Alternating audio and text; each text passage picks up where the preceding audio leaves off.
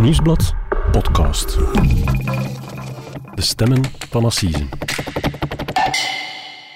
Hallo, mijn naam is Mark Lefman, misdaadreporter bij het Nieuwsblad. En ik ben Cedric Lagast, journalist bij diezelfde krant. En dit is onze podcast, De Stemmen van Assise, waarbij we u meenemen achter de schermen van elk belangrijk proces. En dit keer hebben we het over de moord op een man die hield van slagermuziek. En over wie erachter zat.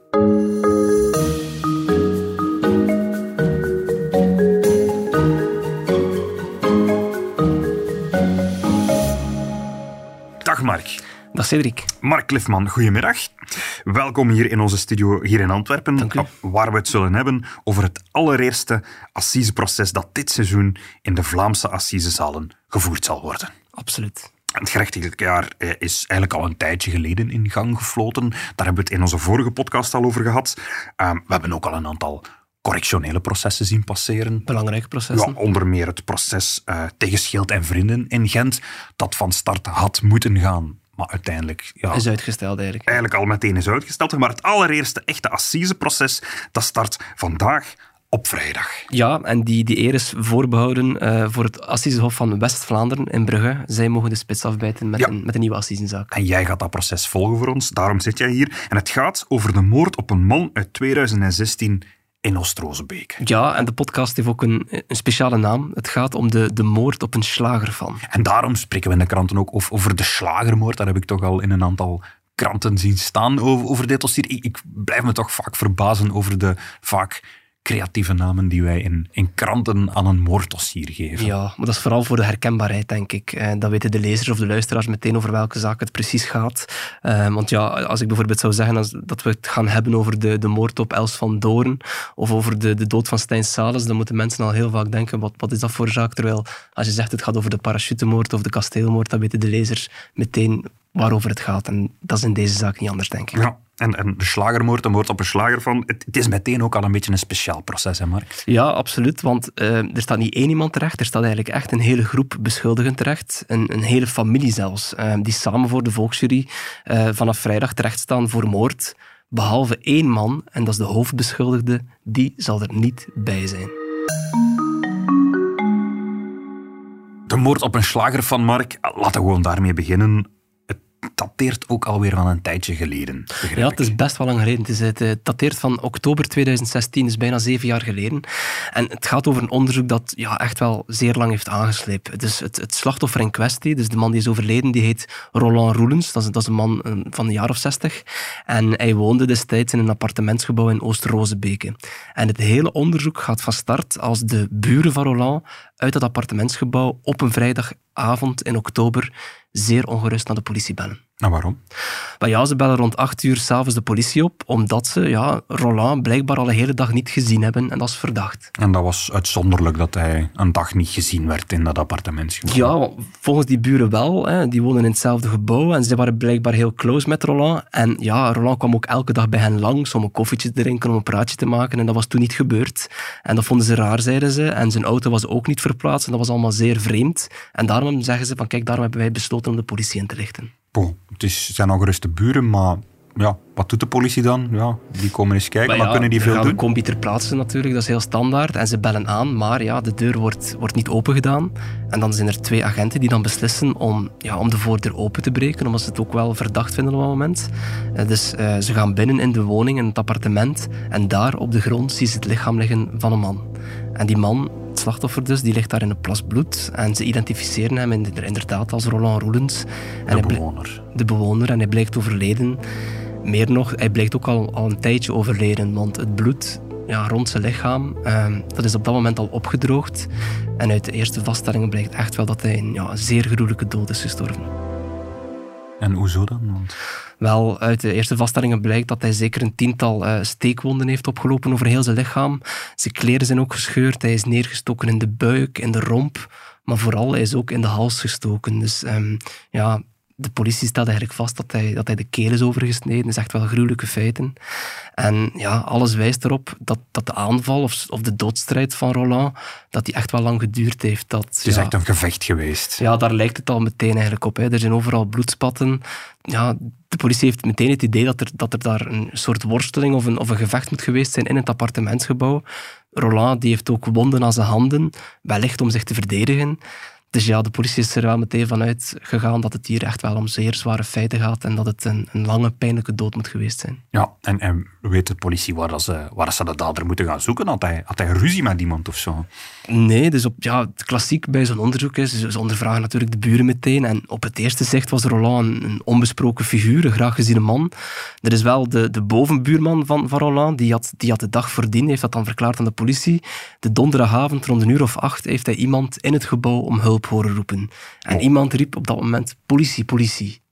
Eh, maar ja, het bleef stil en, en drie minuten later had hij diezelfde stem nog eens eh, om, om, om de politie horen roepen. En daarna zou hij dan blijkbaar nog een, stoel horen verschuiven en een deur dichtslaan. Maar dat is raar. Dus die buurman hoort iemand in zijn gebouw om hulp roepen en hij doet niks. Nee, nu voor alle duidelijkheid, dat zijn niet de buren die dan uiteindelijk de politie inlichten dat, dat Roland eh, ja, niet, meer, niet meer buiten komt. Eh, maar die twee buren die zeggen van ja, wij, wij hoorden wel iets. Het waren eigenlijk twee buren die iets gehoord hadden, maar we herkenden de stem niet zozeer en we wisten niet zo goed, niet zo goed waar, waar het geroep vandaan kwam. En ze dachten van ja, dan zal het ook wel meevallen, want het was op zich ook wel snel gedaan. Ze dachten, het zal niet zo erg zijn. Inderdaad.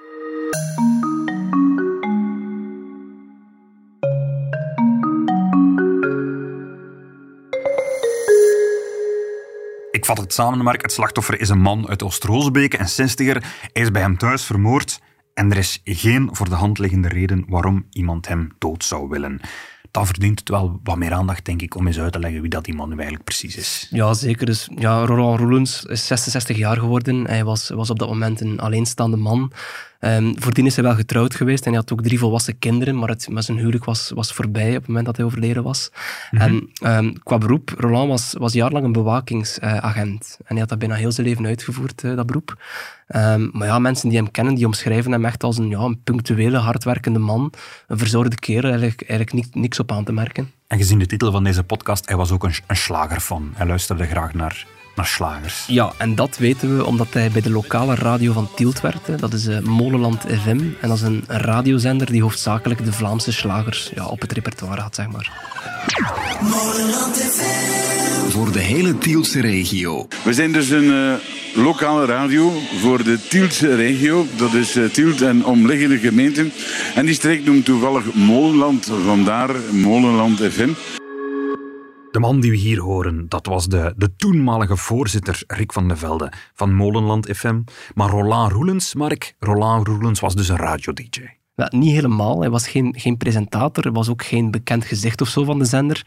Hij was meer iemand die, die zich vooral ja, achter de schermen inzette voor de zender. En na zijn overlijden eh, ja, kwamen er natuurlijk ook rouwberichten van, van de radiozender. en, en daarin omschreven ze hem echt, ja, als, een, als een zeer enthousiaste reclameman. Een heel, heel gedreven persoon. Ehm, want hij was eigenlijk degene die de sponsors van de radiozender binnenhaalde, waardoor de radiozender ja, lang kon bestaan. Dus ja, ze herinneren hem als een man die, ja, die muziek en radio ademde en iemand die ook heel loyaal was blijkbaar tegenover de zender. Nu, Molenland FM, dat bestaat sindsdien niet meer. De zender is in, in 2018 eh, herdoopt tot de Radio Oost-West en is te horen blijkbaar van, ja, van Alter tot eh Waregem. Oké, en is het in dat milieu dat dan de dader moet gezocht worden? Is er ergens in, in, in het radiomidden ergens een conflict gerezen, wat dan zo Nee, fataal... totaal niet. Eigenlijk alles verandert in het dossier als de, als de politie een, een telefoontje krijgt van een beenhouwerij. Want de, dezelfde avond hè, waarop de moord ontdekt werd, had die beenhouwer een telefoontje gekregen van de familie van een van zijn verkoopsters. Ehm, en ze hadden die, de, de gevraagd om die verkoopster een beetje te ontzien op haar werk de komende dagen. Want het was zo, haar vriend, haar partner, hè, Roland Roelens, was die avond ja, gruwelijk vermoord teruggevonden. Oké, en dat er een partner in het spel is, dat is nieuw. Dat is... Dat is zeker nieuw. Dus die beenhouwer belt uit bezorgdheid naar de politie en hij vraagt van ja, klopt het dat er een man in Oost-Rozenbeke vermoord is en weten jullie daarvan? En ja, natuurlijk, ja, de politie bevestigt dat. Eh, maar de speuders die, ja, die waren ervan overtuigd altijd dat Roland Roelens een, een, ja, een alleenstaande man was. Dus dat hij een, een vriendin had, dat was, dat was nieuwe informatie. Oké, ja, daarmee kunnen ze verder. Ja, dus absoluut. Dus ja, als ze dan te horen wie die vriendin is, dan draait de zaak helemaal. Dan moeten er plots heel veel vragen beantwoord worden. Want die vriendin blijkt uiteindelijk een, een zekere Melissa te zijn. Een, ja, jonge vrouw van amper 20 jaar oud. Dat is een leeftijdsverschil dat, Dat opvalt. Ja, Ronald Roelens was 66, dat is, dat is zeker een groot leeftijdsverschil. En ja, Melissa werd eigenlijk elke dag door Roland naar de beenhouwerij gebracht. Maar de politie ontdekt ook dat zij in hetzelfde gebouw woont eh, als Roland. Oké. Dus ze blijkt de dochter te zijn van een zekere Nico. En die Nico, dat is de ongeruste buurman die op vrijdagavond naar de politie belt om te zeggen van kijk, ik maak me zorgen over Roland, want hij komt niet meer buiten. Dat is wel een heel groot toeval. Dat de man die uiteindelijk de politie belt eigenlijk zijn schoonvader Ja, zou dat is, dat is een heel groot toeval. En het is vooral opvallend dat die buurman Nico niet verteld heeft dat, ja, dat Roland eigenlijk de vriend was van zijn dochter. Ehm, blijkbaar hebben die twee, dus eh, Roland en, en, en de dochter, hebben elkaar een paar maanden eerder leren kennen in het gebouw, want ze deden ja, een beetje dezelfde passie, namelijk de slagermuziek. Oké, ja. Dus de dochter blijkt ook een grote slagerfan te zijn. En volgens die beenhouwer was die vader niet zo gelukkig met die relatie te- van zijn dochter met Roland. Want ja, er was, nou, ja, er was nu eenmaal een zeer groot leeftijdsverschil. leeftijdsverschil. En daarom besluit de politie natuurlijk om, om Nico eventjes aan de tand te gaan voelen.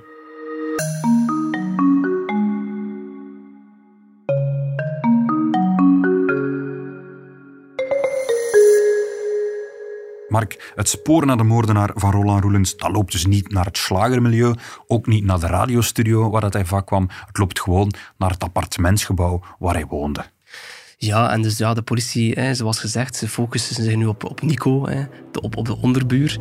En ze gaan daar kijken in zijn appartement of dat ze daar iets verdachts aantreffen. Aanvankelijk zien ze niet meteen iets verdachts, maar ja, ze doen natuurlijk een heel grondig sporenonderzoek. En daar is ook een garage bij, bij dat appartementsgebouw. En ook daar wordt natuurlijk alles ja, goed uitgepluist. En in een hoekje vindt de politie daar een, een vuilniszak, een dichtgebonden vuilniszak, met daarin verschillende ja, paren gebruikte latex handschoenen. En zeer opvallend, op die handschoenen zit er bloed.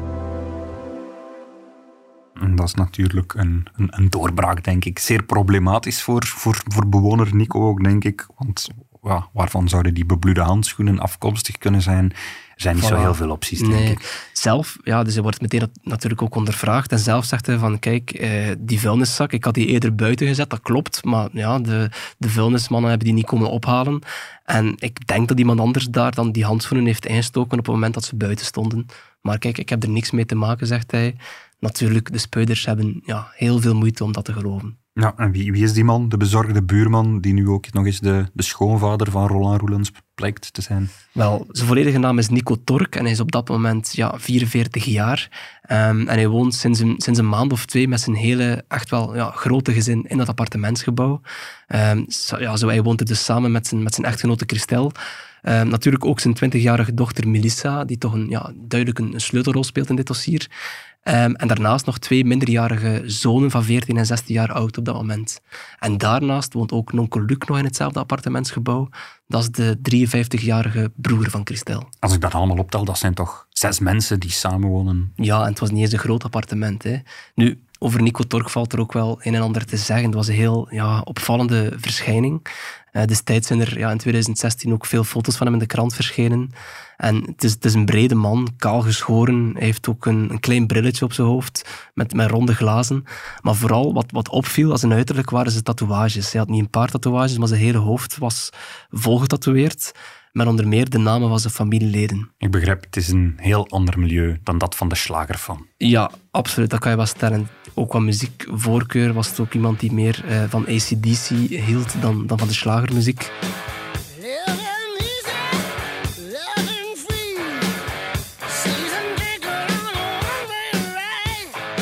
En het is duidelijk dat Nico Tork ja, vooral in andere milieus vertoefde, meer in het motormilieu. hè. Hij was een fervente liefhebber van motors, hij had er ook een paar. En op zijn Facebookpagina, dat was ook wel opvallend, vond je een aantal ja, steunbetuigingen terug aan, aan de Hells Angels. Het is een opvallend figuur daar, daar in Tilt. Ja, kan je wel stellen. Hè. Dus, en ja, Nico Tork, dat was iemand die het, hij had het diploma van een schrijnwerker, maar op het moment van de feiten was hij ja, al een paar jaar niet meer aan het werk. Hij leefde van een uitkering. En dat is ook wel opvallend. Als de politie hem dan die avond fouilleert, dan, dan stellen ze vast dat hij de bankkaarten van alle gezinsleden eh, op zak heeft. Dat is bijzonder. Ja, dat zijn de bankkaarten van zijn echtgenote, van zijn dochter Melissa, ook van nonkel Luc. En ja, natuurlijk, de politie heeft heel veel mensen ondervraagd die die familie goed kent. En ja, daaruit blijkt wel dat hij later ook omschreven wordt als een, als een autoritaire man, een autoritaire vader, die, die, ja, die niet bepaald tegenspraak duldt, die zijn gezin met toch wel harde hand leidde. En ja, iedereen moest zijn wil uitvoeren. En vooral, wat zeer opmerkelijk is in, in, in heel dit verhaal, na zijn arrestatie blijkt dat hij 4300 euro cashgeld op zak heeft. Dat is een eh, flinke som geld om op zak te hebben. En ja, zeker voor iemand die van een uitkering Ja, leeft. dat is niet alledaags alleszins. En zijn eigenlijk allemaal zaken waar je op dat moment ook geen echt antwoord op geeft. Ehm, er zijn verschillende bezwarende elementen op dat moment tegen hem. Je hebt de, handschoenen die worden teruggevonden in de vuilniszak. Het, eh, het geld, de 4000 euro, de ruim 4000 euro. Eh, het feit dat hij verzweeg aan de telefoon eh, bij de politie dat, hij, dat zijn dochter Melissa een relatie had met Roland. Dat zijn toch allemaal cruciale elementen. En ja, de politie heeft dus besloten hem op te pakken. En ja, hij wordt voorgeleid bij de onderzoeksrechter. En hij wordt aangehouden en hij wordt meteen naar de gevangenis gestuurd. Maar voor alle duidelijkheid, Mark, als ik het goed begrijp, hij ontkent wel dat hij iets te maken heeft met de dood van Roland Hij ontkent Roelens. absoluut. Maar ja, natuurlijk, als je de, de gevangenis binnenkomt, hij wordt opgesloten, dan, dan moet je je kleren eh, afgeven. Dan krijg je een gevangenisplunje. En ja, wat valt de politie dan op dat moment op? Ehm, op het t-shirt van Nico zien ze ja, minuscule kleine rode vlekjes. En ja, ze gaan er natuurlijk meteen vanuit, dat is bloed. Dat is bloed, dus opnieuw een element tegen hem. Het net begint zich toch langzaam rond hem aan te spannen. Ja, alles wijst in zijn richting. Hè. Voor het onderzoek is dat een goede zaak. Ze hebben meteen een verdachte. Ehm, sneller kan zo'n onderzoek niet gaan, denk ik. Maar amper vijf dagen later komt er plots een telefoontje bij de speuder vanuit de gevangenis. Met de melding van de cipier, we moeten iets belangrijks zeggen, ehm, Nico Tork is vannacht overleden in zijn cel. Dat blijkt niet om een verdacht overlijden te gaan. Ehm, Nico Tork was een diabetes patiënt. ehm, en hij is die nacht ja, geheel onverwacht overleden. Maar ja, dus voor de speuder is dat natuurlijk wel een enorme tegenvaller, Want denk dus ik. de hoofdverdachte van de moord op Roland Roelens is dood. Absoluut.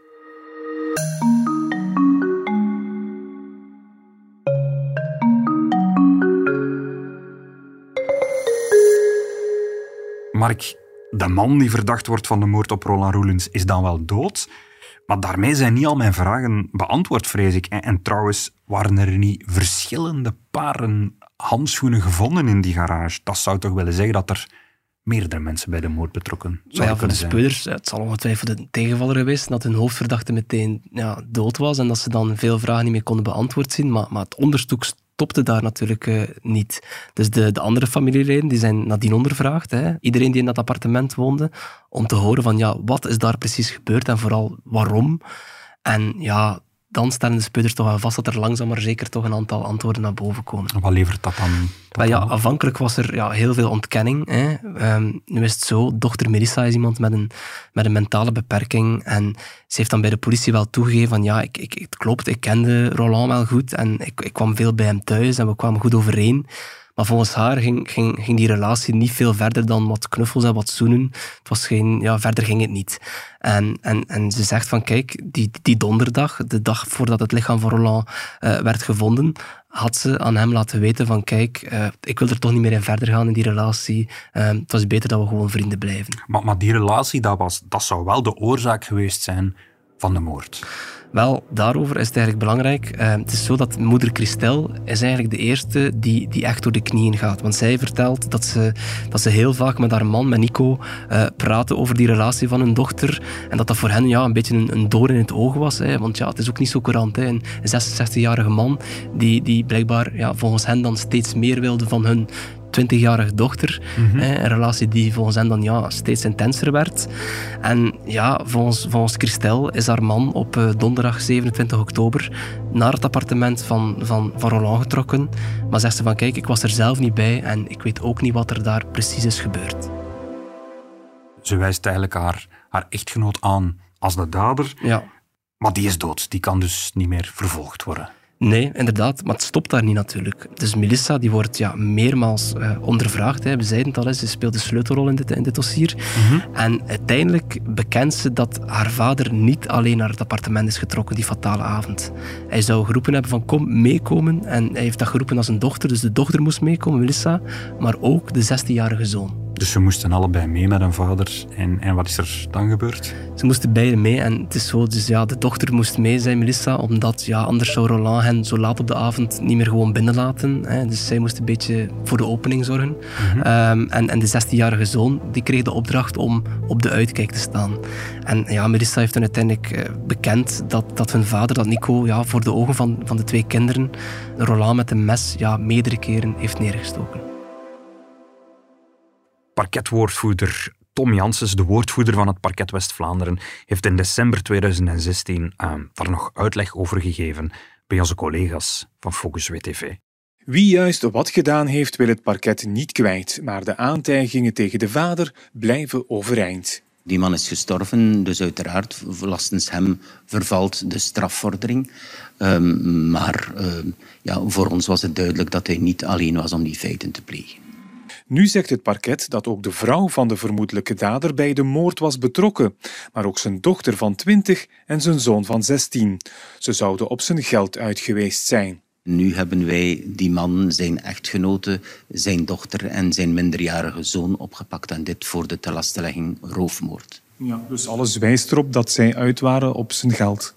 Wel, vermits het nu roofmoord is, betekent dit wel dat er iets gestolen is.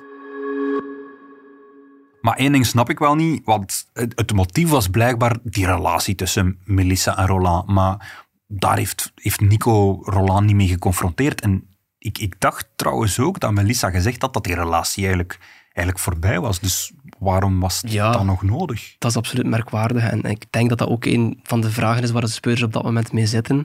Bovendien, in die eerste ondervragingen wijst dochter Melissa ook nog iemand anders aan in het dossier. Ze spreekt plots over een zevende betrokkende, een zekere Pedro uit Pittem.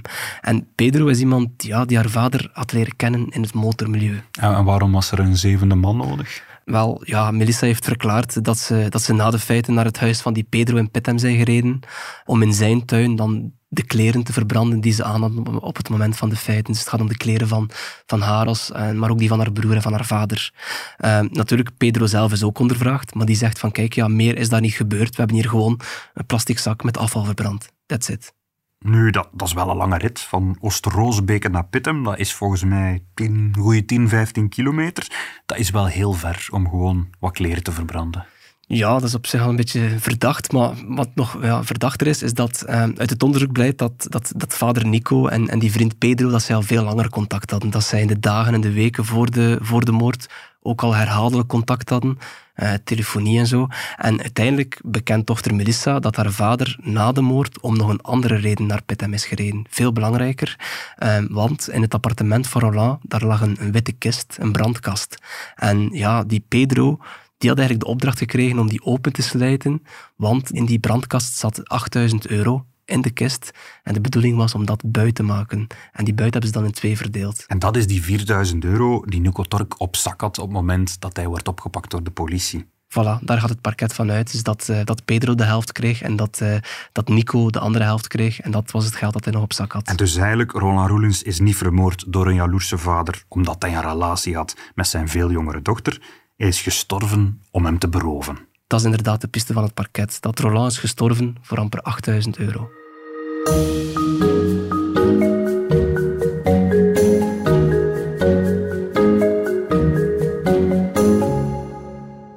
Mark, vandaag begint in Brugge het proces over de moord op Roland Roelens. Uh, jij gaat dat volgen, maar wie staat er nu eigenlijk allemaal terecht voor die moord? Dus er zijn hier zeven mensen genoemd in, in dit verhaal, en, maar uiteindelijk gaan er maar ja, drie mensen terechtstaan voor het Assisenhof. De hoofdverdachte, dat weten we, Nico Tork, die, ja, die, is, die is overleden. Eh, wie gaat er dan wel terechtstaan? Dat zijn zijn, echtgenote Christel, eh, eh, ook dochter Melissa, die een voorname rol speelt. En Pedro, dat is de vriend uit Pittem, dus die de brandkast moest opensluiten. En ze staan allemaal terecht, ze worden allemaal beschuldigd van dader of mededaderschap van, van de roofmoord op Roland Roelens. En roofmoord, dat weet je, dat is een, ja, dat is een verzwarende omstandigheid. Maar de derde persoon die ook mee binnen was in het appartement, dus eigenlijk die zoon van, van Nico Tork, die staan niet mee terecht. Nee, en dat was omdat eh, op het moment van de feiten was hij 16 jaar oud. Hè. Hij was nog minderjarig en hij kon, ja, hij kon eigenlijk niet als een volwassene berecht worden. Nu, wat is er dan gebeurd? Eh, Ze hebben hem toen wel voor een jeugdrechter gebracht. En de bijzondere jeugdkamer van het Gentse Hof van Beroep heeft in 2019 al geoordeeld dat hij ja, toch zeker tot zijn 21ste in een jeugdinstelling moest blijven voor deze feiten. En dat was op dat moment de maximumstraf en hij heeft dat eigenlijk al ja, volledig uitgezeten. Dus alleen de volwassenen zullen berecht worden. En, en wat riskeren ze dan? Ja, ik zei het al, hè, dus ze worden alle drie vervolgd als dader of mededader aan die roofmoord. En dus ja, het gaat dus om de moeder en ook eh, die Pedro uit Pittem, hoewel zij niet ja, fysiek aanwezig waren bij de moord. Nu, als ze toch veroordeeld worden, dan riskeren zij wel levenslange celstraf. Dus ja, het is, het is wel opvallend. De moord is al een jaar of zeven geleden gepleegd. En sindsdien zijn eigenlijk alle betrokkenen, zelfs sinds, sinds 2017 al, op vrije voeten. Ehm, het is zelfs zo, dochter Melissa, die heeft ondertussen een nieuwe partner, die is ondertussen getrouwd en die heeft zelfs een kindje op dit moment. En wat verwacht je van het assiseproces? Goh, er wordt wel verwacht dat de drie op het proces, hè, de drie die terecht staan, vooral zullen kijken naar, eh, naar, naar de rol van de vierde beschuldigde, die er niet meer is, naar, naar vader Nico, die overleden is. Want ja, zijn, zijn rol bij heel deze feiten blijft natuurlijk over heel dat proces hangen. Je hebt het verhaal van die bankkaarten, je hebt, je hebt verschillende mensen tijdens het onderzoek die zijn komen vertellen dat hij ja, zeer dominant was, dat hij autoritair was. En ik kan me wel voorstellen dat, dat, dat de meeste van de verdachten of van de beschuldigden zullen verklaren dat vooral hun vader hen gedwongen heeft om, om medeplichtig te zijn bij die feiten. En wie zijn hun advocaten? Wel, moeder Christel die wordt verdedigd door eh, Chris Vinke, dat is een bekende naam hier, is al heel vaak gevallen Ja. bij assisezaken in West-Vlaanderen. Dochter Melissa die wordt bijgestaan door Robbie de Wale en Maarten van der Meers. En Pedro uit, eh, uit Pittem, zoals we hem noemen, die wordt op dit proces bijgestaan door eh Philippe Dreuze, ook bekende strafpleiter, die hier al heel vaak is gepasseerd. En die doet dat samen met eh, medepleiter Gregory Everaert. Oké. En zijn er burgerlijke partijen? Ja, en, en dat is wel heel opvallend hier. Dus de, de kinderen van Roland Roelens die hebben zich burgerlijke partij gesteld. Maar in tegenstelling tot alle andere assisezaken hebben zij geen eh, advocaat onder de arm genomen. Dus zij hebben besloten van kijk, we willen onszelf verdedigen. En kan dat? In theorie kan dat, maar ja, dat is wel een beetje een aparte situatie, want ja, die mensen ja, krijgen dan ook de kans op zo'n proces om alle getuigen, het zijn er 70 op dit proces, hè, gaande van politiemensen tot, eh, ja, tot, tot moraliteitsgetuigen. Natuurlijk hebben ze ook de kans om de beschuldigden zelf vragen te stellen. En het is een beetje af te wachten wat dat zal geven op het proces. Oké. En wie is de openbare aanklager? De aanklager op dit proces is Tom Janssens. Dat is ook een eh, bekende magistraat. In die zin dat hij vooral ook bekend is als woordvoerder van het eh, Parket West-Vlaanderen, afdeling Kortrijk. Ja. We hebben hem daarnet ook al aan het woord gehoord in het fragment eh, van Focus WTV. En voorzitter? Ook een bekende naam, dat is Anton Boyen. Dat is een beetje de eminence grise, zoals ze hem vaak noemen. Eh, dat is een ja, zeer gewaardeerde magistraat die heel veel assisezaken op de teller heeft. Oké, Mark. Dankjewel. Dankjewel voor je deskundige uitleg. We kijken uit naar je verslagen die je zal maken in de krant, op onze website en in de app over eh, het proces. eh, dat hoeveel dagen zal duren? Wellicht zal het een week duren. Oké. En we zijn er volgende week opnieuw met een nieuwe aflevering van De Stemmen van Assisen. Tot volgende week. Tot volgende week. Dit was De Stemmen van Assisen, een podcast van het Nieuwsblad. De stemmen waren deze week van Mark Cliffman en van mezelf, Cedric Lagast. Onze dank gaat uit naar Focus WTV voor het gebruik van een audiofragment. De montage gebeurde door Benjamin Hertogs van House of Media en de productie was in goede handen bij Bert Heijvaart en Nathalie Delporte.